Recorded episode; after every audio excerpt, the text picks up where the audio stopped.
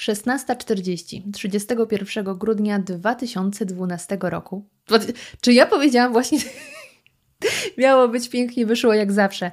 Godzina 16.40 31 grudnia 2023 roku. Sylwester. Za oknem słychać już strzelające petardy i fajerwerki. A ja właśnie zasiadłam przed mikrofonem, aby podsumować mijający rok. Rok, który myślałam, że będę mogła podsumować jednym słowem słowem śmiesznie. Naprawdę byłam przekonana, że właśnie jak ktoś mnie zapyta, jaki był ten rok, to żeby tutaj za bardzo się nie rozgadywać, będę mogła odpowiedzieć, hmm, śmieszne. Śmieszny, śmiesznie, y, z określenia, których bardzo często używam na co dzień, zazwyczaj, aby podsumować sytuację, w której albo coś mi nie wyszło, albo kiedy y, zdarzenia przebiegły zupełnie nie po mojej myśli i wyszły z tego dziwne, śmieszne rzeczy.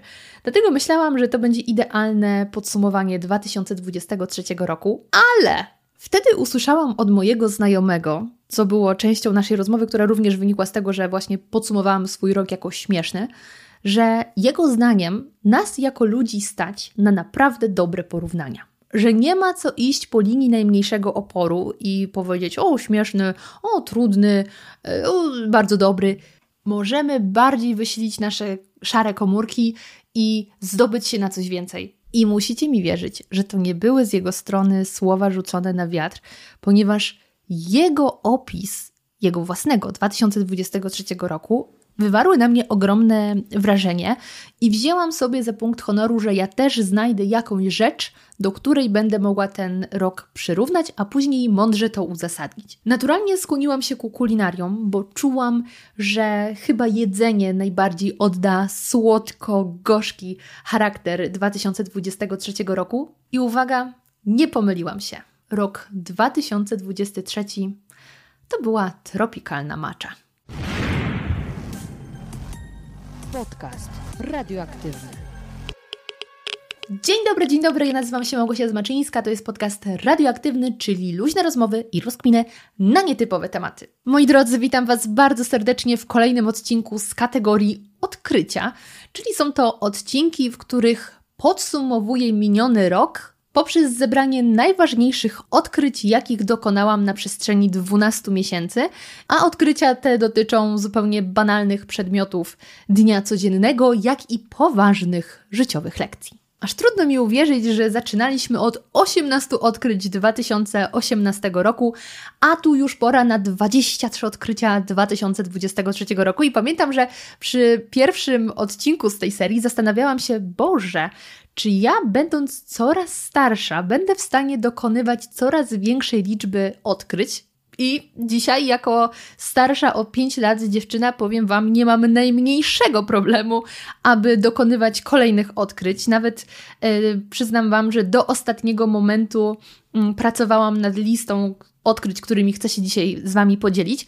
I niektóre musiałam wykreślić i stwierdziłam, dobra, one nie są aż tak ważne jak te jeszcze, o których chciałam powiedzieć, także okazuje się, że wiek nie gra roli, cały czas można coś odkrywać. I jednym, słuchajcie, z odkryć, ale jego nie ma na tej liście, jest właśnie Tropical Matcha, do której przyrównałam rok 2023. I Tropical Matcha to jest drink bezalkoholowy, więc powinnam zgodnie ze sztuką powiedzieć, że jest to mocktail, który w tym roku we wrześniu wydaje mi się, że to był wrzesień albo sierpień, piłam w Panorama Sky Barze, czyli najwyżej umiejscowionym barze w Warszawie. Mieści się on na 40 piętrze y, hotelu Marriott, do którego to właśnie zabrałam bliskie mi osoby, kiedy przyjechały w odwiedziny do Warszawy, aby mogli spojrzeć na stolicę z nieco innej perspektywy. I jeśli słuchacie mojego drugiego podcastu, podcastu Smacznego, to zapewne już o tym drinku słyszeliście, ponieważ wywarł on na mnie tak duże wrażenie, że stwierdziłam, muszę się tymi doznaniami kulinarnymi podzielić w smacznego. I nie sądziłam, że ja jeszcze do tego drinka powrócę w tym roku. Nie fizycznie, ale yy, myślami. Ale właśnie ten drink przyszedł mi na myśl, kiedy zaczęłam się zastanawiać, do czego mogłabym przyrównać 2023. I teraz, żebyście mogli zrozumieć, całą tą metaforę, to musicie poznać składniki tego drinka, ponieważ na Tropical Matcha składało się mango, kokos, ananas, limonka, biała czekolada, wasabi i matcha. I jeśli miałabym go podsumować, to powiedziałabym, że ten drink składał się z tak wielu dziwnych, zaskakujących składników, co do których trudno uwierzyć, że wszystkie zmieściły się w jednym drinku. Ta mnogość często wykluczających się aromatów sprawiła, że do ostatniego łyka nie miałam pojęcia, czy mi to smakuje, czy jednak jest tak dziwne, że zaraz przekroczy granicę tolerancji moich kubków smakowych i będzie takie ugh. Na pewno nie mogę stwierdzić, że był jednoznacznie dobry albo niedobry. Natomiast nie żałowałam ani łyka, bo było to bardzo ciekawe doświadczenie. I ostatnia kwestia, choć nie mniej ważna, piłam go w tak pięknych okolicznościach i z tak wspaniałymi ludźmi, że bez wahania powtórzyłabym ten wieczór. I to samo mogę powiedzieć o 2023 roku. Składał się z wielu dziwnych, zaskakujących zdarzeń, co do których trudno uwierzyć, że wszystkie zmieściły się w jednym roku. Ta mnogość często wykluczających się emocji sprawiła, że do ostatniego dnia nie miałam pojęcia, czy to był dobry rok, czy jednak jest tak dziwny, trudny, że zaraz przekroczy granice moich możliwości. Na pewno nie mogę stwierdzić, że był jednoznacznie dobry albo niedobry. Natomiast ostatecznie nie żałuję ani jednego dnia, bo było to bardzo ciekawe doświadczenie. I ostatnia, choć nie mniej ważna kwestia. Przeżyłam ten rok w wielu naprawdę pięknych okolicznościach i z tak wspaniałymi ludźmi, że bez wahania przeżyłabym go jeszcze raz. No, to skoro wstęp za nami, to moi drodzy, przechodzimy do 23 odkryć 2023 roku. Zrobiło się nieco patetycznie, więc dobrze będzie teraz zejść do sfery profanum i do bardzo banalnego odkrycia. Odkrycie pierwsze: pizza na śniadanie. I ponownie, jeśli słuchacie podcastu Smacznego, to na pewno już słyszeliście o, o tym odkryciu. Natomiast jeśli nie, to muszę Wam powiedzieć, że ten rok upłynął mi pod znakiem wytrawnych śniadań, ale najczęściej powtarzanym śniadaniem była pizza z patelni. Z gotowego spodu, który można kupić w Biedronce, spód ten y, pizzowy posypywałam mozzarellą, suszonym czosnkiem. Kiedy mozzarella się rozpuściła, ściągałam z patelni, dawałam na to pokrojone drobno czarne i zielone oliwki, następnie kładłam dwa jajka sadzone i duża ilość e, rukoli oraz często pomidorków koktajlowych. I tym się zajadałam. Jeszcze tylko dodam, że zazwyczaj robiłam z połowy tego spodu.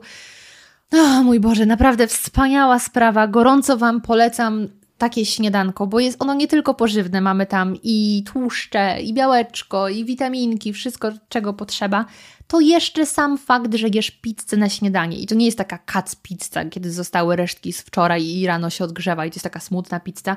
Nie, nie, nie, nic z tych rzeczy, to jest pizza z kategorii Marian, tu jest jakby luksusowo. Drugie odkrycie to płatność telefonem. Kilka lat temu w odkryciach opowiadałam Wam o tym, jak bardzo pokochałam Blika, jaka to jest wspaniała technologia. I do dzisiaj podtrzymuję, że Blik to jest ekstra sprawa, że jest to na przykład bezpiecznie wypłacić pieniądze z bankomatu, bo wpisujesz kod, a nie dajesz karty, możesz zrobić przelew na telefon. Świetna sprawa, polska myśl technologiczna, polska górą. Lecz pomimo tego, że lubiłam korzystać z dobrodziejstw technologii, to ciągle nie mogłam się przekonać do tego, aby połączyć moją kartę z telefonem, bo jakoś się tego obawiałam i moi wszyscy znajomi dookoła mieli już taką opcję, że oni tylko zabierają telefon, później przykładają zbliżeniowo pyk i płatność dokonana, a jakoś się nie mogłam przemóc, ale w końcu i do tego dorosłam. Teraz używam płatności zbliżeniowych w telefonie. Życie stało się jeszcze łatwiejsze. Także późno, ale lepiej późno niż wcale.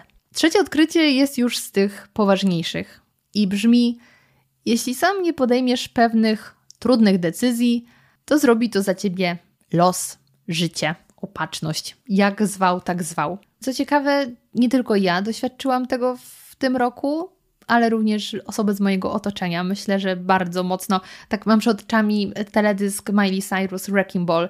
Mam wrażenie, że to właśnie ta kula niszczycielska bardzo mocno w tym roku wjechała, ale to dobrze Postaram się jak najlepiej wytłumaczyć, co mam na myśli w ogóle w tym podpunkcie, bo to jest taka rzecz, którą ja mocno czuję, ale trudniej mi to zwerbalizować, więc zobaczymy, czy faktycznie moją supermocą jest mówienie w tym przypadku. Bo słuchajcie, są w życiu takie sytuacje, takie dziedziny, takie kwestie, które nas uwierają. I dotyczy to zarówno relacji, pewnych znajomości, zarówno romantycznych, jak i platonicznych, ale też kwestii zawodowych, tego, w jakim miejscu się znajdujemy. Są rzeczy, które nas uwierają, które nam nie służą, źle czujemy się z tym, jak jest, ale pomimo tego nie podejmujemy działania, żeby to zmienić, żeby zakończyć pewne znajomości, bo to dla nas jest za trudne. Nie wprowadzamy zmian zawodowych, bo nie pasuje nam to, jak teraz jest, ale w sumie może lepiej nie będzie, może już tak ma być, lepsze jest znane zło niż nieznana perspektywa. I tkwimy sobie w tym statusie quo, ale nawet jeśli już zęby nas bolą od zaciskania ich, to nie podejmujemy działania. I chociaż odkrycie to przypisuje do 2023 roku, to, to ten mechanizm odnajduje już o wiele wcześniej. Natomiast akurat 2023 intensywnie mi przypomniał o tym, jak to wszystko działa. No i za to jestem mu też wdzięczna. Bardzo długo zwlekałam z podjęciem pewnych decyzji, z postawieniem granic, z zakończeniem toksycznych znajomości, aż w końcu y, życie doprowadziło do takiej sytuacji, że ja już właściwie nie musiałam ich podjąć, one same się podjęły i ja zostałam postawiona przed faktem dokonanym. I jaka jest z tego lekcja? Czy ta lekcja jest taka, żeby być biernym, bo jeśli coś się ma wydarzyć, to i tak się wydarzy? Nie, nie uważam, że to jest ta lekcja. Natomiast lekcja jest taka, i ponieważ, jak wspomniałam, podobne sytuacje w tym roku spotkały moich znajomych, to ja im powtarzam, bo bardzo mocno w to wierzę, że jeśli od dłuższego czasu tkwimy w jakiejś sytuacji, która wiemy, że nam nie służy, ale tak jak wspomniałam, tkwimy, bo jest łatwiej i nagle ona się kończy i to strasznie boli mimo wszystko, mimo że właśnie podświadomie wiedzieliśmy, że to i tak nie jest dobry układ, to tylko dziękuj, że życie miało jaja za ciebie, żeby tą decyzję podjąć, a nie żałuj, że tak się wydarzyło. Bo ta decyzja po prostu powinna była być podjęta o wiele wcześniej i możemy być tylko wdzięczni, że tak się los ułożył. Więc to nie jest tak, że kiedy w tym roku życie za mnie podjęło decyzję, że kończymy tę znajomość, tę znajomość, y, ta droga się zamyka, to ja byłam taka, hu, hurra, wreszcie! Nie, ja do tego jeszcze dzisiaj dojdziemy. W sierpniu przeżyłam załamanie nerwowe. Przepłakałam właściwie cały miesiąc. Czułam, że życie mi się wali, że złe rzeczy się wydarzyły i że to tak nie powinno wyglądać, ale z perspektywy czasu stwierdzam, to właśnie tak powinno było wyglądać tylko o wiele wcześniej. I myślę, że tutaj yy, pasuje taki żarcik, powiedzmy, że ojca oszukasz, matkę oszukasz, życia nie oszukasz. Że możemy długo się uśmiechać i mówić: Nie, jest w porządku, jest super, ale nie, jeśli nie jest w porządku, to nie jest w porządku i nie jesteśmy w stanie yy, szarego nieba zamalować niebieską kredką, jeśli ono faktycznie jest szare. Trzeba realnie zabrać się za to, żeby ono znowu zrobiło się niebieskie. Dobra, proszę Państwa, lecimy dalej. Odkrycie czwarte. Same, a właściwie Sameflix. Nie sądziłam, że dożyję takich czasów, że stanę się takim człowiekiem, który z zainteresowaniem odpala obrady Sejmu i będę jeszcze bardziej zaangażowanym y, społecznie człowiekiem. Ponieważ pamiętam doskonale czasy, kiedy pracowałam w wirtualnej Polsce i y, niestety zostałam y, przydzielona do tworzenia belek do rozmów publicystycznych. Mówię niestety, ponieważ moja wiedza o polityce w tamtym czasie oj, no była słaba, była słabiutka i mnie ta praca okrutnie stresowała, bo ja nie dość, że nie za bardzo znałam nazwiska polityków, którzy akurat gościli w studiu i powinnam pisać belki odnosząc się do ich nazwisk, to jeszcze nie za bardzo rozumiałam, co się w ogóle dzieje. A teraz nie dość, że z nazwiska znam bardzo wielu polityków, to z zainteresowaniem oglądam obrady i mój rekord w tym momencie to jest chyba 12 godzin ciurkiem lecących obrad w Sejmie.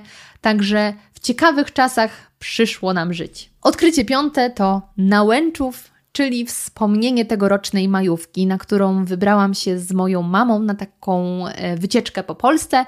Zresztą podsumowanie tej majówki też nagrałam w formie podcastu, także serdecznie polecam.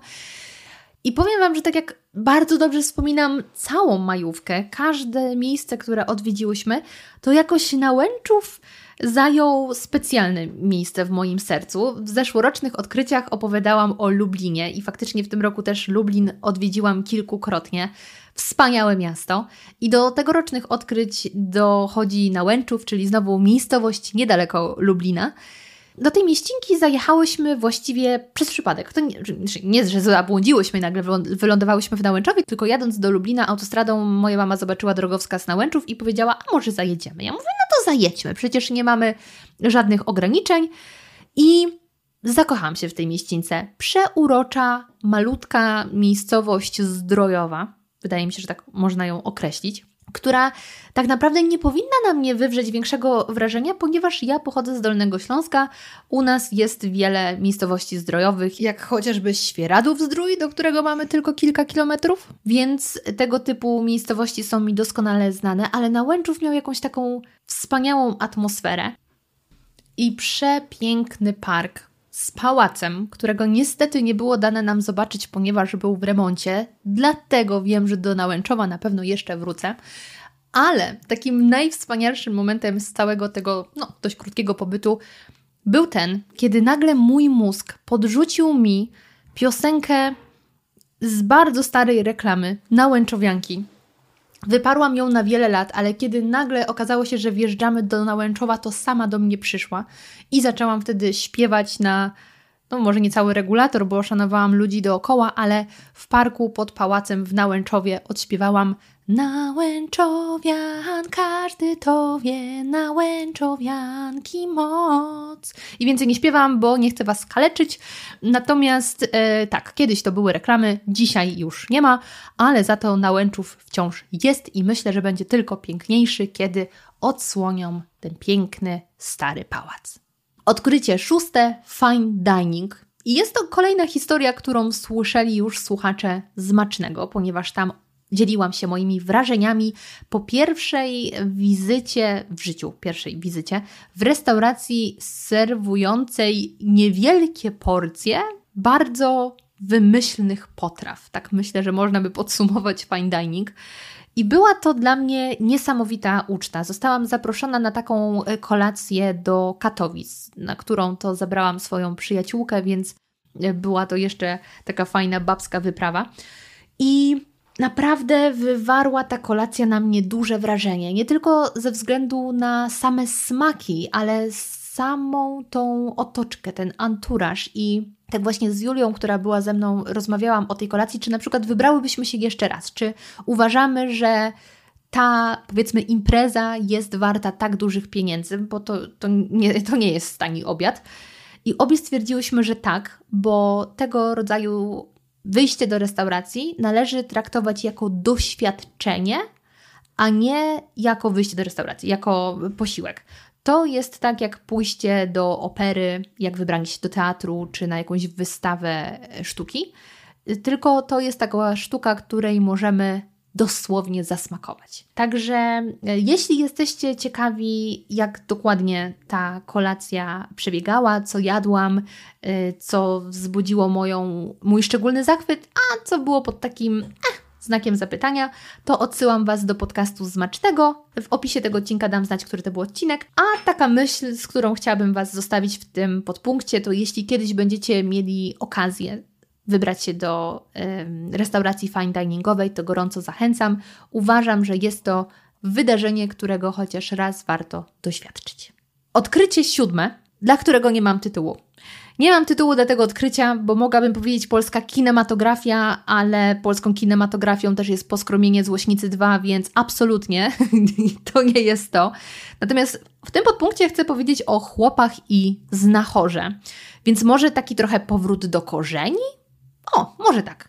Powrót do korzeni.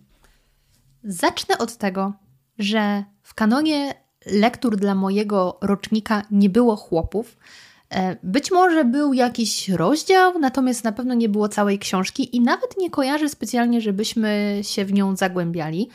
I jak to bywa ze szkolnymi lekturami albo książkami, które są uznawane za lektury szkolne, jeśli nie musisz ich czytać, to nie czytasz. Jeśli dodać do tego fakt, że raczej byłam negatywnie nastawiona do tej książki, że opowiada o takiej brzydkiej polskiej wsi i to mówiła mi osoba, która pamięta też brzydką polską wieś, więc mm, nie należy absolutnie do osób, które romantyzują życie na wsi i ja też y, raczej jestem daleka od romantyzowania życia na wsi, że to o, taka super sielanka, że się wychodzi rano na werandę pić kawkę i, i super, super. No nie, życie na wsi naprawdę bywa trudne, jest ograniczony dostęp do wielu rzeczy, trzeba mieć samochód, żeby gdzieś dojechać. Ten dom fajny, stary się psuje, przychodzi w nocy wiatr, burza, to pierwsze co robisz następnego dnia rano, sprawdzasz ile dachówek spadło. Życie na wsi ma swoje plusy i minusy. Dlatego yy, sama nie planowałam sięgnąć do książki pod tytułem Chłopi, i również nie planowałam wybrać się na film, kiedy wszedł do kin i towarzyszyła temu bardzo mocna kampania marketingowa. Natomiast moi wspaniali przyjaciele e, wybierali się na ten film i zapytali, czy chcę do nich dołączyć. I powiem tak.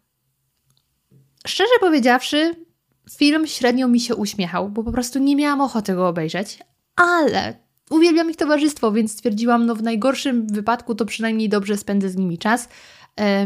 Po kinie, przed kinem, trudno, niech stracę. Natomiast nie straciłam nic. Straciłabym tylko szansę, żeby ten film obejrzeć i doświadczyć tego, co doświadczyłam, bo powiem Wam, że absolutnie mnie ten film poruszył. Tak jak wspominałam, nie czytałam książki, nie czytałam streszczeń, więc nie miałam zielonego pojęcia, w jaką stronę to wszystko pójdzie. Wiedziałam, że jakiś tam Boryna występuje i tyle. Taka była moja wiedza. Może trochę wstyd, że tutaj moja wiedza się ograniczyła, ale chlubą jest już to, że nadrobiłam. I ogromne wrażenie wywarł na mnie ten film, zarówno jego realizacja, że to było w formie tych obrazów i początkowo myślałam, po co w ogóle dodatkowo pracy sobie dodawać. Teraz rozumiem, bo efekt jest tego warty. Natomiast sama akcja też zrobiła na mnie piorunujące wrażenie i po wyjściu z kina musiałam chwilę ochłonąć, żeby później zacząć dzielić się swoimi przeżyciami y, z osobami, które ze mną były.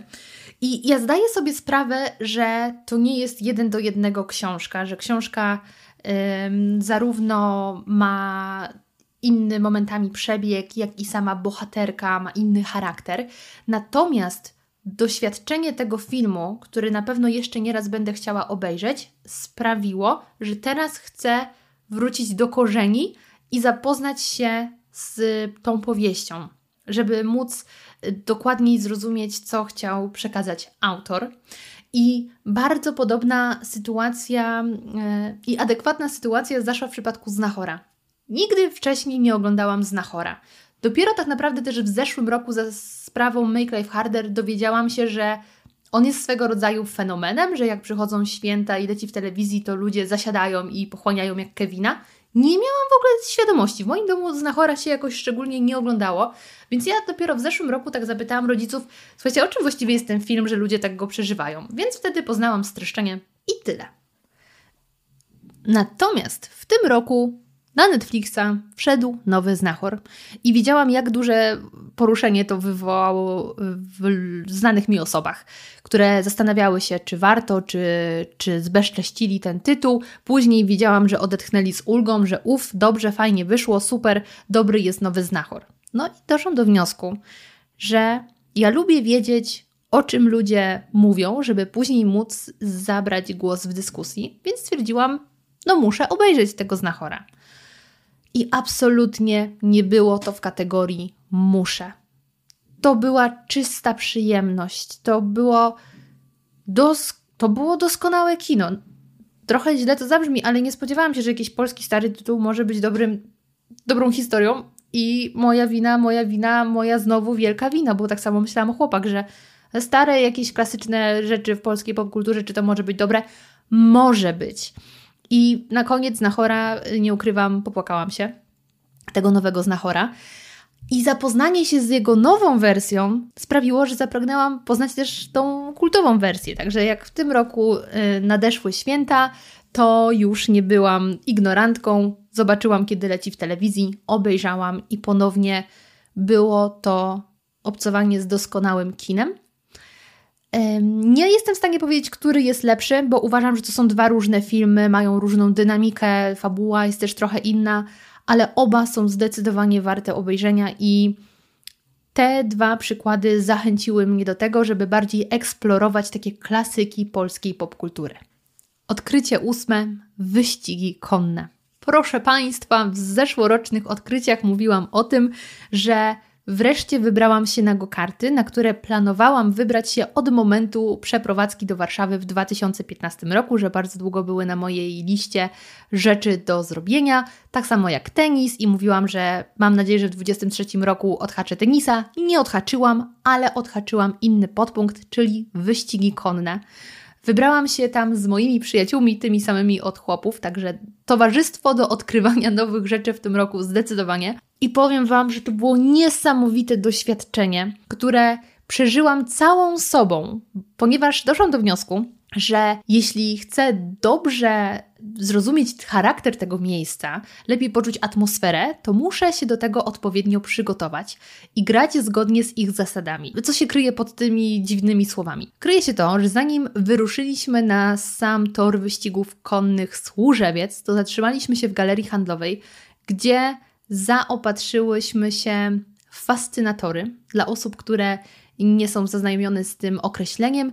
Jest to mm, rodzaj nakrycia głowy, taki powiedziałabym dość fikuśny, czy to w formie opaski z jakimiś kwiatami, piórami przyczepionymi, e, czy tą ozdobę za pomocą spinki się przyczepia. Może nie okrycie głowy, a ozdoba włosów bardziej pasuje. I powiem Wam, że ja zdecydowałam się na fascynator w formie opaski, do którego był przyczepiony nie tiul, ale taka siateczka czarna, w ogóle całość była czarna, która opadała y, nieco na twarz, na oczy. Więc czułam się jak młoda wdówka, która przyszła na wyścigi konne roztrwonić majątek po zmarłym mężu, który zostawił jej w spadku. Dokładnie tak i moi współtowarzysze się zgodzili, że trochę tak to wygląda. Jeju, to było cudowne doświadczenie. To znaczy nie roztrwanianie y, majątku zmarłego męża, którego nawet nie mam, tylko wybranie się na te wyścigi, poczucie tej atmosfery, usłyszenie dźwięku koni w galopie. To jest niesamowita też sprawa. I Spędziliśmy tam, myślę, że ze dwie, trzy godzinki. Towarzyszący mi Kamil absolutnie się wkręcił i już powoli zaczął ogarniać, jak działa cały system tych zakładów, chociaż absolutnie nie zachęcam nikogo do hazardu. Uważam, że to był tylko element tego wyjścia, a nie kwestia obowiązkowa, ale pochłonęło nas to na tyle mocno, że z Kamilem oboje mamy takie postanowienie, że przed następnymi wyścigami, na które wybierzemy się w 2024 roku, dokładnie zapoznamy się ze słowniczkiem pojęć związanych z wyścigami konnymi, który też można znaleźć na stronie e, toru mm, wyścigów konnych Służewiec. I e, cóż mogę powiedzieć? No, jeśli nigdy nie byliście, a macie taką możliwość, jeśli wyścigi konne odbywają się w Waszej okolicy, to wybierzcie się. Jest to bardzo ciekawe widowisko i też zachęcam do tego, aby się odpowiednio do wydarzenia ubrać. Też na y, stronie toru y, Służewiec można znaleźć taki przewodnik po dreskodzie obowiązującym na miejscu. Nie jest to obecnie taka rzecz wymagana jak była kiedyś, że jeśli nie wyglądasz stosownie, to cię nie wpuszczą, ale uważam, że dodaje to uroku całemu wydarzeniu. Jak tak pełni sobą chłoniemy tą atmosferę i wpasowujemy się w cały ten anturaż. Podpunkt dziewiąty: wszystko w swoim czasie.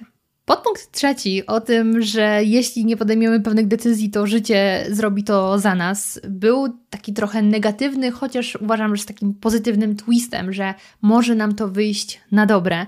I to się bardzo mocno łączy z tym dziesiątym odkryciem, że wszystko w swoim czasie. I to jest kolejna lekcja, której ja doświadczam od wielu, wielu lat, ale 2023 bardzo mocno to podkreślił, że na niektóre rzeczy trzeba poczekać, ale jednocześnie znając też już swoje życie, jak ono w bardzo dziwny sposób się układa, to uczy mnie to takiego zaufania, że to się wszystko w końcu dobrze ułoży, tylko ja muszę być cierpliwa. A ja jestem turbo niecierpliwą osobą, zresztą wiedzą to wszyscy, którzy chociaż raz jechali ze mną samochodem.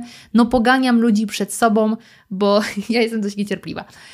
Jak już wspomniałam, sierpień był dla mnie bardzo trudnym miesiącem. Co więcej, zaczęłam go w pewnym momencie nazywać cierpniem, bo właściwie nie było dnia, kiedy bym nie płakała, kiedy nie zastanawiałabym się, co robię ze swoim życiem, dlaczego w danym momencie nie podjęłam jakiejś decyzji, może dzisiaj byłabym w innym, lepszym miejscu, lepszej sytuacji, że właściwie gdzie ja zaszłam, co ja sobą reprezentuję. To był absolutny miesiąc negacji wszystkiego, co robię, w miejsca, w którym się znajduję i takiego bezsensu i marazmu. Naprawdę nie widziałam światełka w tunelu, co ja mam zrobić, żeby było po mojej myśli, żebym była z siebie znowu zadowolona. Sierpień się skończył i przyszedł wrzesień. I wraz z nowym miesiącem, z każdym dniem zaczęłam coraz bardziej stawać na nogi. Nie dlatego, że wydarzyło się coś, co sprawiło, że stwierdziłam, uhu, super, teraz będę działać, jest coraz lepiej, Woo! Nie. Po prostu stwierdziłam, ok, jest bardzo kijowo, żeby nie użyć innych słów, ale to się w pewnym momencie musi skończyć. Dlatego muszę dalej robić swoje, nie załamywać się, nie poddawać się, po prostu robić swoje i zobaczymy, co czas przyniesie. I słuchajcie, w grudniu tego roku pojawiły się nowe perspektywy i zaczął się, mam wrażenie, jakiś nowy rozdział.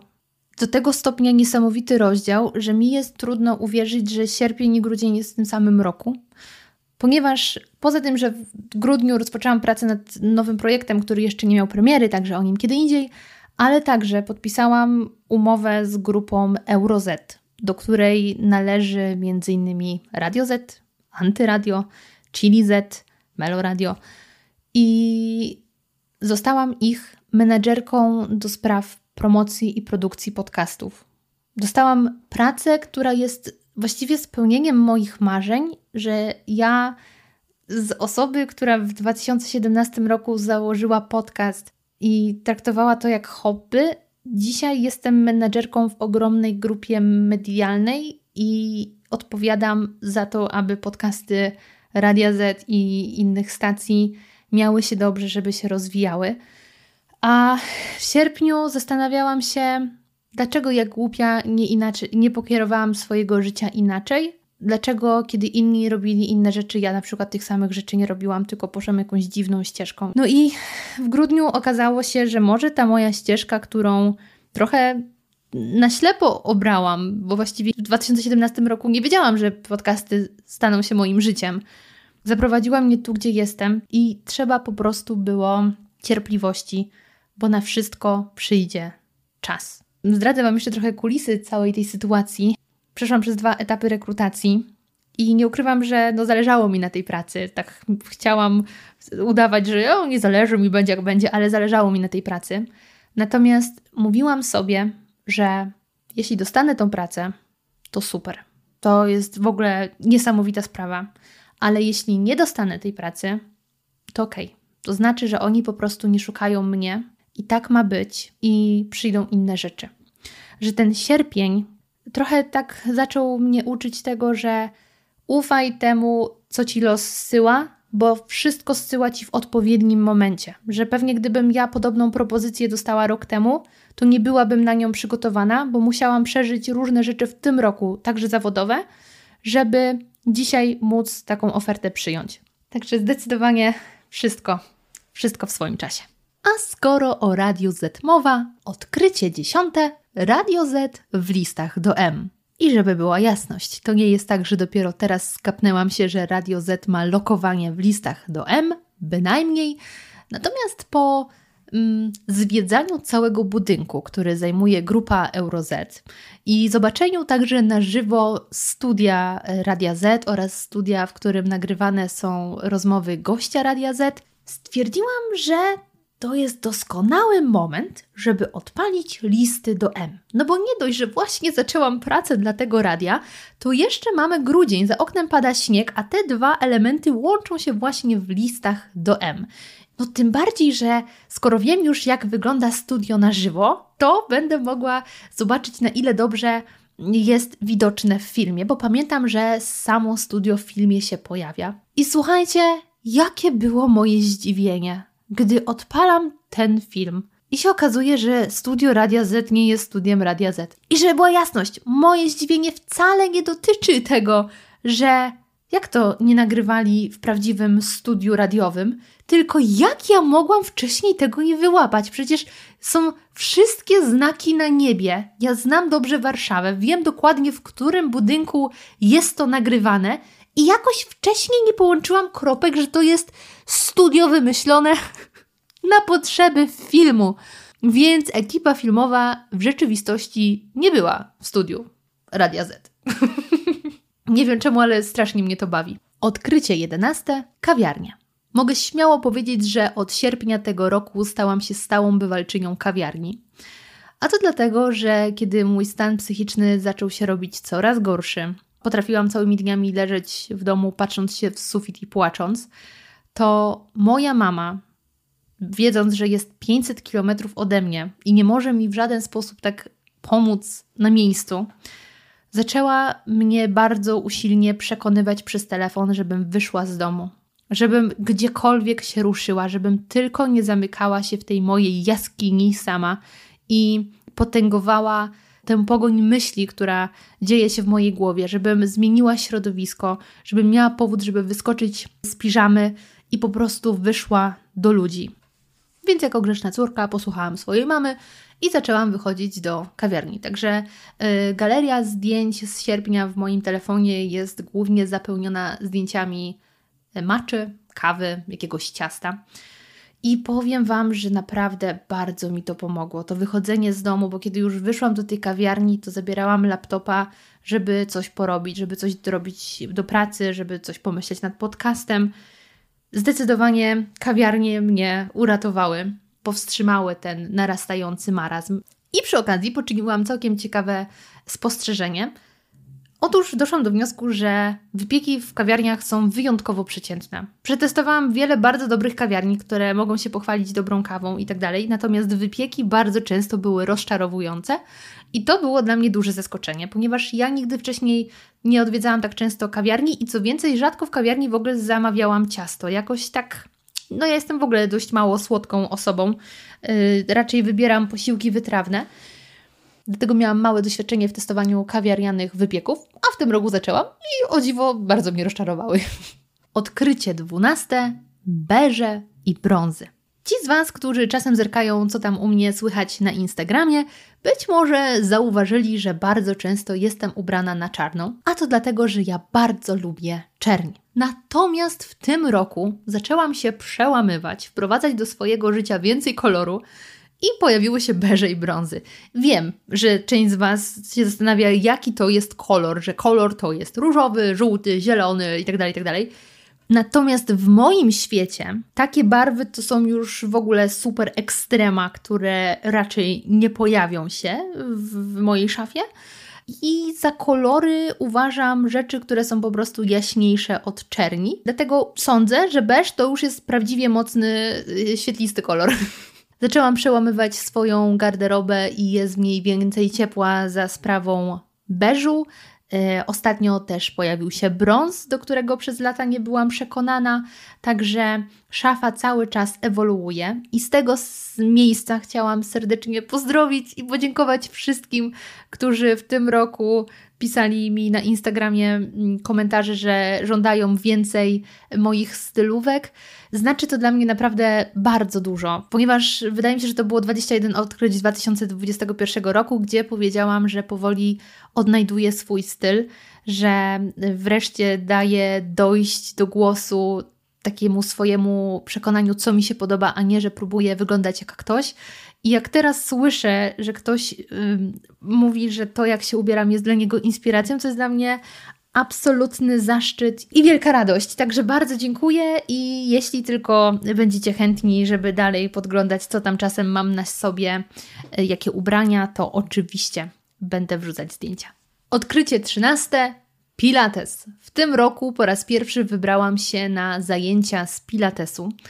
Y, były to zajęcia na Cadillacu, czyli takiej hmm, no dość fancy maszynie, yy, która momentami wygląda jak z pokoju Greya. Myślę, że tak najłatwiej można by ją podsumować. I powiem Wam, że bardzo spodobała mi się ta forma aktywności.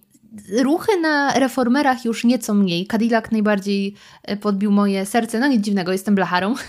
Niestety nie pochodziłam za długo na te zajęcia w tym roku, ponieważ y, z przyczyn finansowych nie mogłam sobie na nie dłużej pozwolić, ale mam nadzieję, że w tym roku ponownie wsiądę, wejdę do Cadillaca. W przypadku kolejnego odkrycia przychodzi mi na myśl takie powiedzenie, które usłyszałam niedługo po przeprowadzce do Warszawy. A mianowicie, że osobę z dużego miasta od tej z małego miasta można rozpoznać po tym, że człowiek, który wychował się w dużym mieście, widząc nad sobą samolot, nie podnosi głowy do góry. Słysząc samolot, nie podnosi głowy do góry, żeby go zobaczyć, bo dla niego jest to tak normalny widok. Natomiast ktoś, kto jest przyjezdny, od razu patrzy, bo dla niego to jest taka wyjątkowa sprawa. I nie mam tutaj na myśli samolotów na już tak wysokim pułapie, że widać tylko chemtrailsy, tylko takie na przykład startujący albo podchodzący do lądowania. Nie wiem ile w tym prawdy, natomiast ja jestem człowiekiem z małej miejscowości, u nas lotniska nie było. I zawsze, jak widzę samolot, podnoszę głowę do góry, bo dla mnie to jest niesamowita sprawa. Uwielbiam patrzeć na samoloty, chyba nawet bardziej niż nimi podróżować. I w tym roku odkryłam spacery w okolicy lotniska. I ponownie, jeśli obserwujecie mnie na Instagramie, to w tym roku widzieliście mnóstwo zdjęć ze spaceru z nersonką, gdzie w tle widać jakiś samolot, bo doszłam do wniosku, że jest to fajne miejsce. Nie ma tam za dużo ludzi, nie ma innych psów, na które negatywnie reagowałaby Neri. Ja mam radochę jak dziecko, bo widzę samolot. I uwaga, słuchajcie, Neri też lubi samoloty. Zawsze jak przechodzimy obok ogrodzenia lotniska i jest zaparkowany samolot, to Neri długo mu się przygląda. Także obie mamy radochę z tych spacerów i zdecydowanie okolice lotniska stały się naszą miejscówką 23 roku. Odkrycie 15. Pisanie bajek. I nie tylko bajek. Ponownie temat, który będzie znany słuchaczom podcastu Zmacznego, którzy w tym roku dostali ode mnie dwa specjalne odcinki. A wszystko zaczęło się od tego, że 5 lutego jest Międzynarodowy Dzień Nutelli. Z tej okazji postanowiłam przygotować odcinek e, podcastu Zmacznego poświęcony historii Nutelli. Natomiast tak sobie pomyślałam, że dawno nie było jakiegoś takiego odcinka specjalnego. I co mam na myśli? Mam na myśli to, że kiedy w podcaście Zmacznego opowiadałam o tym, dlaczego w kinie jemy popcorn, dlaczego nie jest przyjęte za oczywistość, za normę, że w kinie e, do seansu chrupiemy chipsy, tylko właśnie popcorn, to historię tę opowiada, opowiedziałam jako historię romansu popcornu z kinem. I cały podcast jest podzielony na kilka rozdziałów. Pamiętam, że jeden z nich nosi tytuł Mezalians, drugi jakieś zauroczenie itd., tak itd. Tak Ogólnie całość ma charakter harlekina. I bardzo lubię, opowiadając nieznane historie bardzo znanych produktów i potraw w podcaście Zmacznego, opowiadać w jakiejś konwencji. Czy to właśnie teraz będzie harlekin, czy e, w przypadku zwyczajów panujących jeszcze wówczas w pałacu królowej Elżbiety II opowiadałam tak, jakby Was przygotowywała na wizytę na domówce u królowej. Jest pewna konwencja, której się trzymam. I tak właśnie myślałam, że fajnie byłoby, jakby odcinek o Nutelli też miał jakąś konwencję, ale tak sobie myślałam, że może ja już tego nie potrafię, może ja już tak nie potrafię opowiadać historii, czy może już najlepsze odcinki mam za sobą. E, I teraz mogę tylko się odwoływać, że o, kiedyś nagrałam taki podcast o popcornie i kinie. Gdzieś z tyłu głowy pojawiła mi się taka myśl, a jakby opowiedzieć bajkę o królowej Nutelli? I cóż, z tego pomysłu wykiełkował cały odcinek. Odcinek, który wiem, że na osobach, które słuchały, zrobił dość duże wrażenie. Nawet y, dostałam taki niesamowity komplement, że y, jedna osoba mi powiedziała, że zazwyczaj podcastów słucha do spania, żeby przy czymś zasnąć. I podcast o Nutelli to był chyba jedyny odcinek, gdzie kurna ta osoba nie mogła zasnąć, bo tak ją bardzo to pochłonęło. Więc jest to dla mnie absolutnie największa forma uznania i bardzo się cieszę, że tak, tak wyszło. Więc jeśli macie ochotę posłuchać um, historię o królowej Nutelli, która urządza swoje imieniny, zjeżdża się tam cała rodzina Ferrero, po dworze biegają kinderki, przyjeżdża też no, dość specyficzny brat Raffaello i wiele innych, myślę, znanych Wam słodkich postaci. I jak to Nutella opowiada historię o wspaniałym panie Geppetto, który stoi za całą firmą Ferrero, to gorąco zachęcam Was do posłuchania. E, natomiast jeśli bajki Was nie interesują, wstąpacie twardo po ziemi, to może zainteresuje Was drugi odcinek, który też w dość nietypowej formie poczyniłam w tym roku. Był to odcinek Halloweenowy. I jest to historia true crime oparta na prawdziwej historii. Więcej nie zdradzam, bo cokolwiek powiem więcej będzie spoilerem. Natomiast mówię o tym nie tutaj, żeby robić hamską reklamę podcastu Zmacznego, tylko dlatego, że było to dla mnie odkrycie, że ja naprawdę już myślałam, że wszystkie najlepsze odcinki mam za sobą, że już moja kreatywność nic więcej z siebie nie wypluje. Tymczasem w tym roku powstały dwa odcinki, z których naprawdę jestem dumna i uważam, że niewiele jest po prostu podcastów, które w taki sposób podchodzą do tematu. I jestem z tego dumna i dodaje mi to takiej pewności, że mogę jeszcze różne fajne rzeczy stworzyć i przede wszystkim bardzo się cieszę, że mam dla kogo. Także jeśli tutaj są też słuchacze Zmacznego, to moi drodzy, serdecznie Was pozdrawiam. Odkrycie 16. Wrocław. I brzmi to dość komicznie, zważywszy na fakt, że e, nagrywam ten odcinek będąc we Wrocławiu. We Wrocławiu, który znam od dzieciństwa, ponieważ jest to stolica Dolnego Śląska, z którego pochodzę, więc bywałam tutaj nieraz, e, obecnie nawet czasem pomieszkuję. Ale mimo tego nigdy nie darzyłam tego miasta specjalną sympatią, również ze względu na to, że wiele nieprzyjemnych historii kojarzy mi się z tym miastem, miały one tutaj miejsce. Natomiast w tym roku ewidentnie nastąpił jakiś przełom, ponieważ w pewien listopadowy weekend odwiedziły mnie we Wrocławiu moje koleżanki.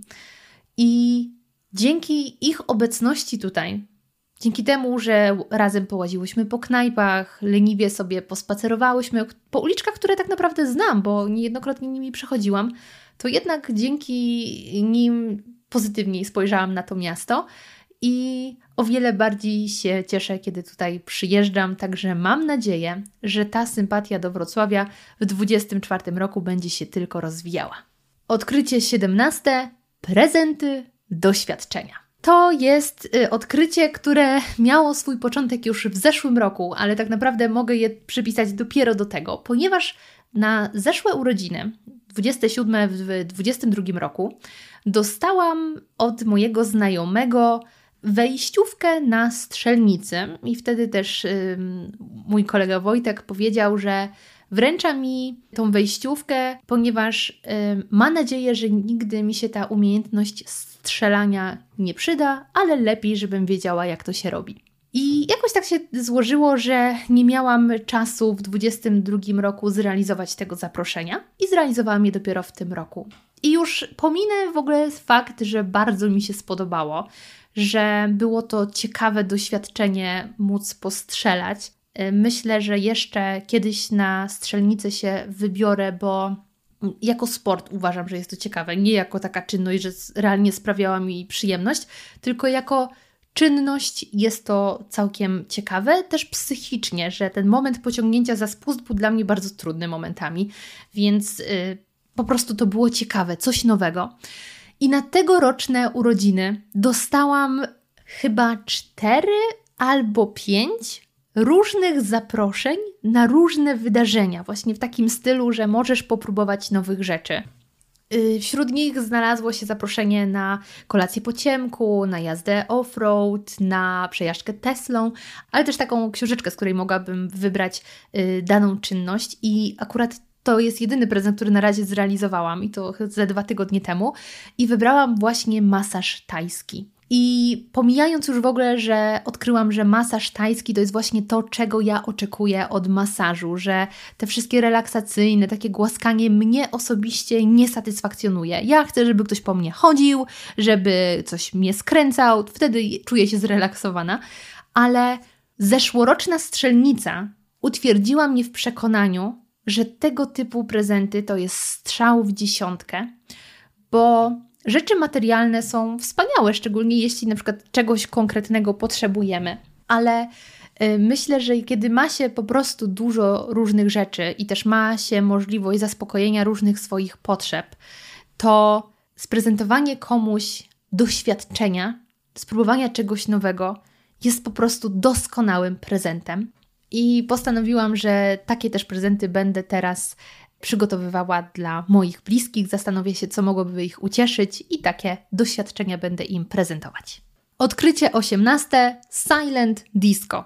Myślę, że nie muszę tutaj y, jakoś specjalnie Wam tłumaczyć, czym jest Silent Disco. Jest to impreza, w trakcie której mamy na uszach słuchawki, możemy wybierać spośród kilku kanałów, na których zazwyczaj lecą piosenki z różnych gatunków muzycznych. I ja o tego rodzaju imprezie słyszałam od dawna, ale jakoś po prostu nigdy się nie złożyło, żebym na nią dotarła. Aż do tego roku. I muszę powiedzieć, że to jest naprawdę bardzo fajne wydarzenie. Jest coś wyjątkowego w tej sytuacji, że masz na uszach słuchawki, więc wydaje ci się, że cały, czas, cały świat nie istnieje. Jesteś tylko ty i ta muzyka. I dokładnie podobne odczucia mają ludzie dookoła, którzy jeszcze podobnie jak ty mogą decydować o tym, jaka nuta właśnie będzie grana, więc nie jesteśmy ska skazani na jednego DJ-a. Możemy sobie rotować w zależności od tego, co nam się bardziej podoba i puścić się, chciałam powiedzieć puścić wodze fantazji, ale to nie o to chodzi, ale tak tańczyć całym sobą. Chyba lepiej tego nie jestem w stanie opisać. Jeśli natomiast nie byliście na Silent Disco, polecam serdecznie. Odkrycie 19. Simsy. I ponownie, to nie jest tak, że ja po raz pierwszy zagrałam w Simsy w tym roku. Ja jestem dzieckiem wychowanym na Simsach. Pierwsze Simsy miałam pewnie jako 5-6-latka. Spaliłam jeden monitor na Simsach, jeden procesor na Simsach, bo naprawdę bardzo mocno intensywnie w nie grałam i nawet sprzęt, na którym grałam, nie wytrzymywał. Natomiast moja y, zajawka Simsowa skończyła się, myślę, wraz z trójką. Jakoś mnie nie jarała. Poza tym zaczęłam robić się coraz y, starsza i żyłam już w takim przekonaniu, że jak byłam dzieciakiem, to wiele rzeczy mogłam robić tylko jako sim. Teraz, jako człowiek dorosły, mogę robić w zasadzie wszystko. I mogę pójść na studia, tak jak dodatek Sims Studia, i mogę prowadzić nocne życie, mogę jeździć samochodem, mogę nawet mieć psa, co wtedy było poza zasięgiem moich możliwości. Mogę robić wszystko. Szczególnie od kiedy mieszkałam w Warszawie, to otworzyły się przede mną zupełnie nowe możliwości, także Simsy przestały być mi potrzebne. Moja koleżanka miała dostęp do czwórki. Także nawet kiedyś udostępniła mi swoje hasło, żebym zagrała na jej koncie, zobaczyła jaka jest czwórka. I słuchajcie, bardzo szybko wyłączałam, bo dochodziłam do wniosku, że mm, strasznie to nudne, że ja wolę sama robić te rzeczy nie być simem. Aż znowu wracamy do sierpnia tego roku, kiedy moje życie przestało w jakikolwiek sposób być dla mnie atrakcyjne, więc życie Simów wciągnęło mnie maksymalnie. W ciągu kilku dni wpadłam w absolutny cuk simowy, mogę powiedzieć. Był taki jeden dzień, gdzie ja od 12 w południe do 11 albo 10 rano następnego dnia grałam. Bo, tak jak mówię, życie simów wydawało mi się ciekawsze niż moje. I wtedy sobie uświadomiłam, że okej, okay, może jednak ja tak całkowicie nie wyrosłam z tej gry, może to była tylko kwestia jakiejś okoliczności i dalej jestem na to podatna. Natomiast dzisiaj już mogę powiedzieć, że znowu moje życie jest dla mnie na tyle atrakcyjne, że nie muszę uciekać do wirtualnego świata. Natomiast poczyniłam dość ciekawe dla mnie obserwacje związane z Simsami czwórką, a mianowicie, że ta gra jest strasznie trudna. Wcześniej też grałam w Simsy dwójkę, bo ściągnęłam sobie w sierpniu Simsy dwójkę, żeby poczuć jeszcze taką nostalgię, ale grając w czwórkę jest naprawdę trudno, bo ta gra już o wiele lepiej odzwierciedla prawdziwe życie i rachunki, które odbieramy są naliczane proporcjonalnie do zużytych mediów. Jeśli mamy większy dom i więcej świateł się pali, to faktycznie będą wyższe rachunki i trudniej tego Sima zadowolić, zaspokoić wszystkie jego potrzeby. Co więcej, o wiele trudniejsza jest ścieżka zawodowa. Kiedyś wystarczyło, żeby nasz sim w ciągu dwóch, trzech simowych dni yy, czytał ciągle książki, żeby zdobyć wszystkie potrzebne mu umiejętności do awansu i pójdzie do pracy, dostanie ten awans łatwizna A tutaj realnie była taka sytuacja, że mój sim powiedział, że pomimo wypełnionych wszystkich wymagań do awansu, że on już jest tak sfrustrowany, że kolejny dzień idzie do pracy i nie ma awansu, że on myśli o zmianie ścieżki kariery.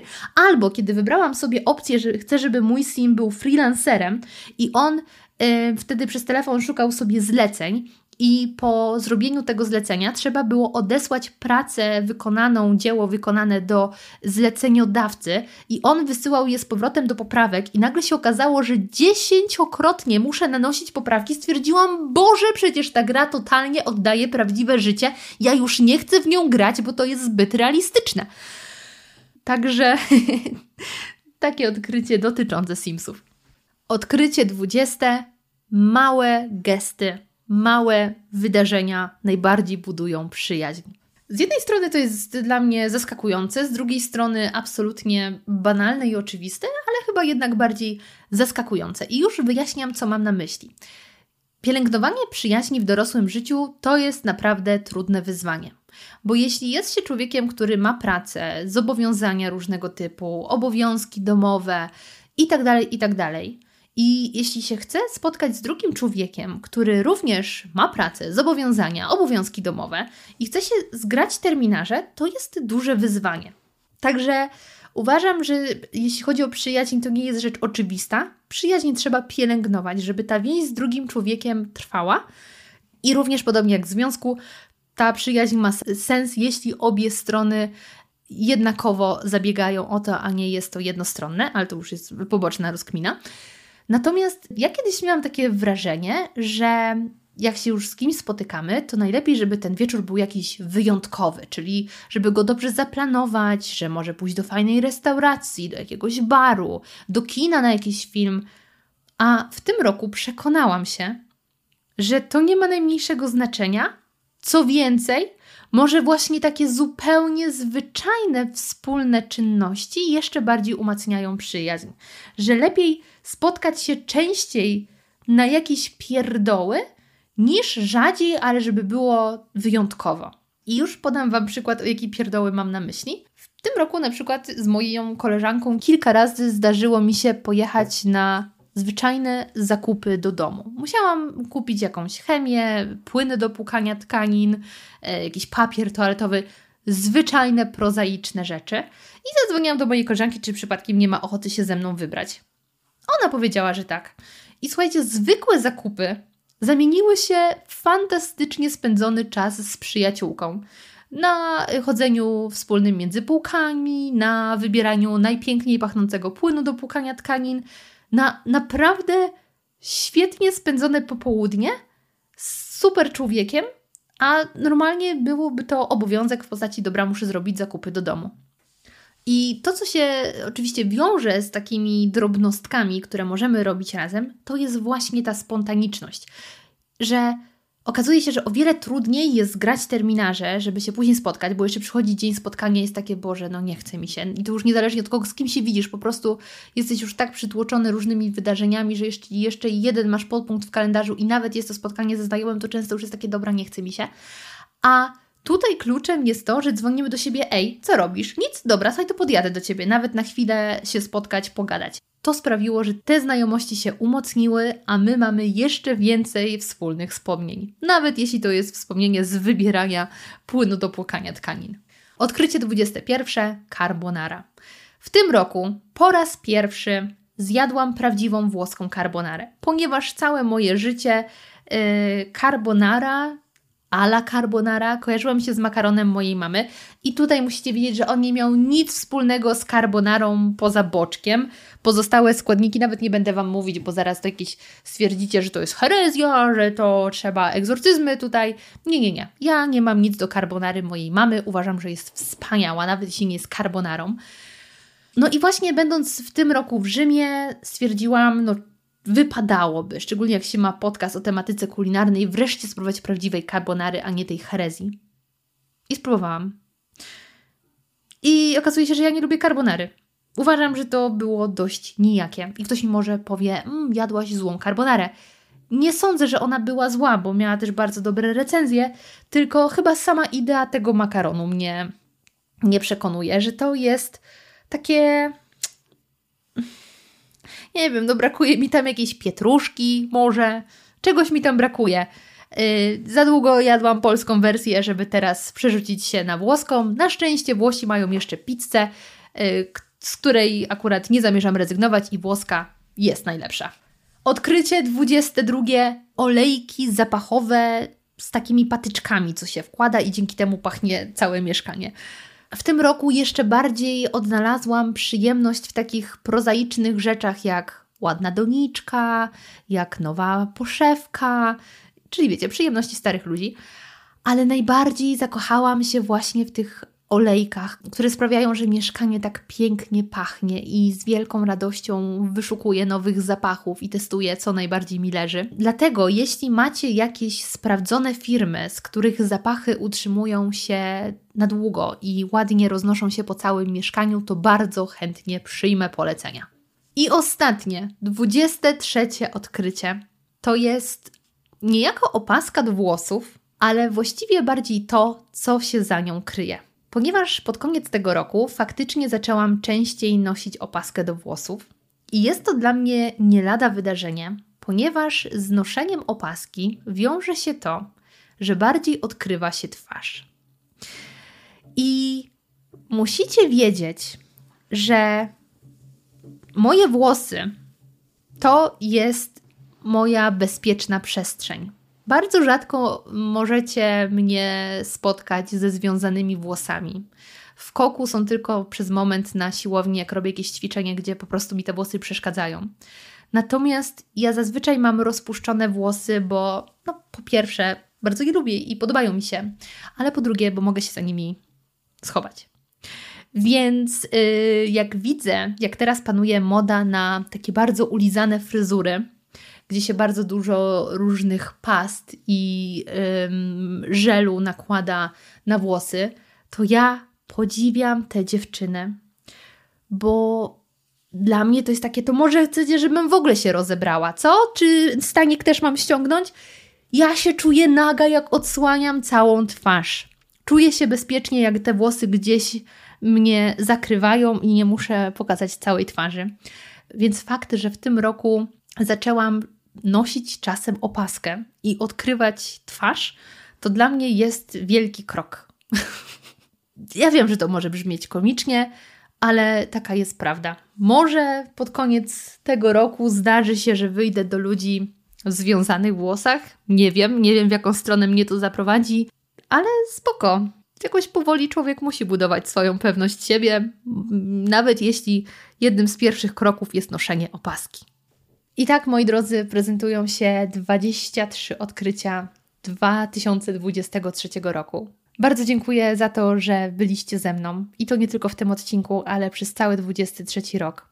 Wiem, że nie obfitował on w wiele nowych podcastów z mojej strony, ale mam nadzieję, że ten podcast trochę też pokazał, dlaczego tak się działo, że miałam wiele momentów zwątpienia, ale wiedzcie, że Wy, słuchacze, jesteście jednym z takich czynników, które zawsze w gorszych momentach podnoszą mnie na duchu. I jestem naprawdę ogromnie wdzięczna za to, że jesteście. Pomimo tej nieregularności z mojej strony, to zawsze jest jakaś grupka osób, które czeka na komunikat, że jest nowy odcinek. Także ten odcinek dedykuję właśnie Wam.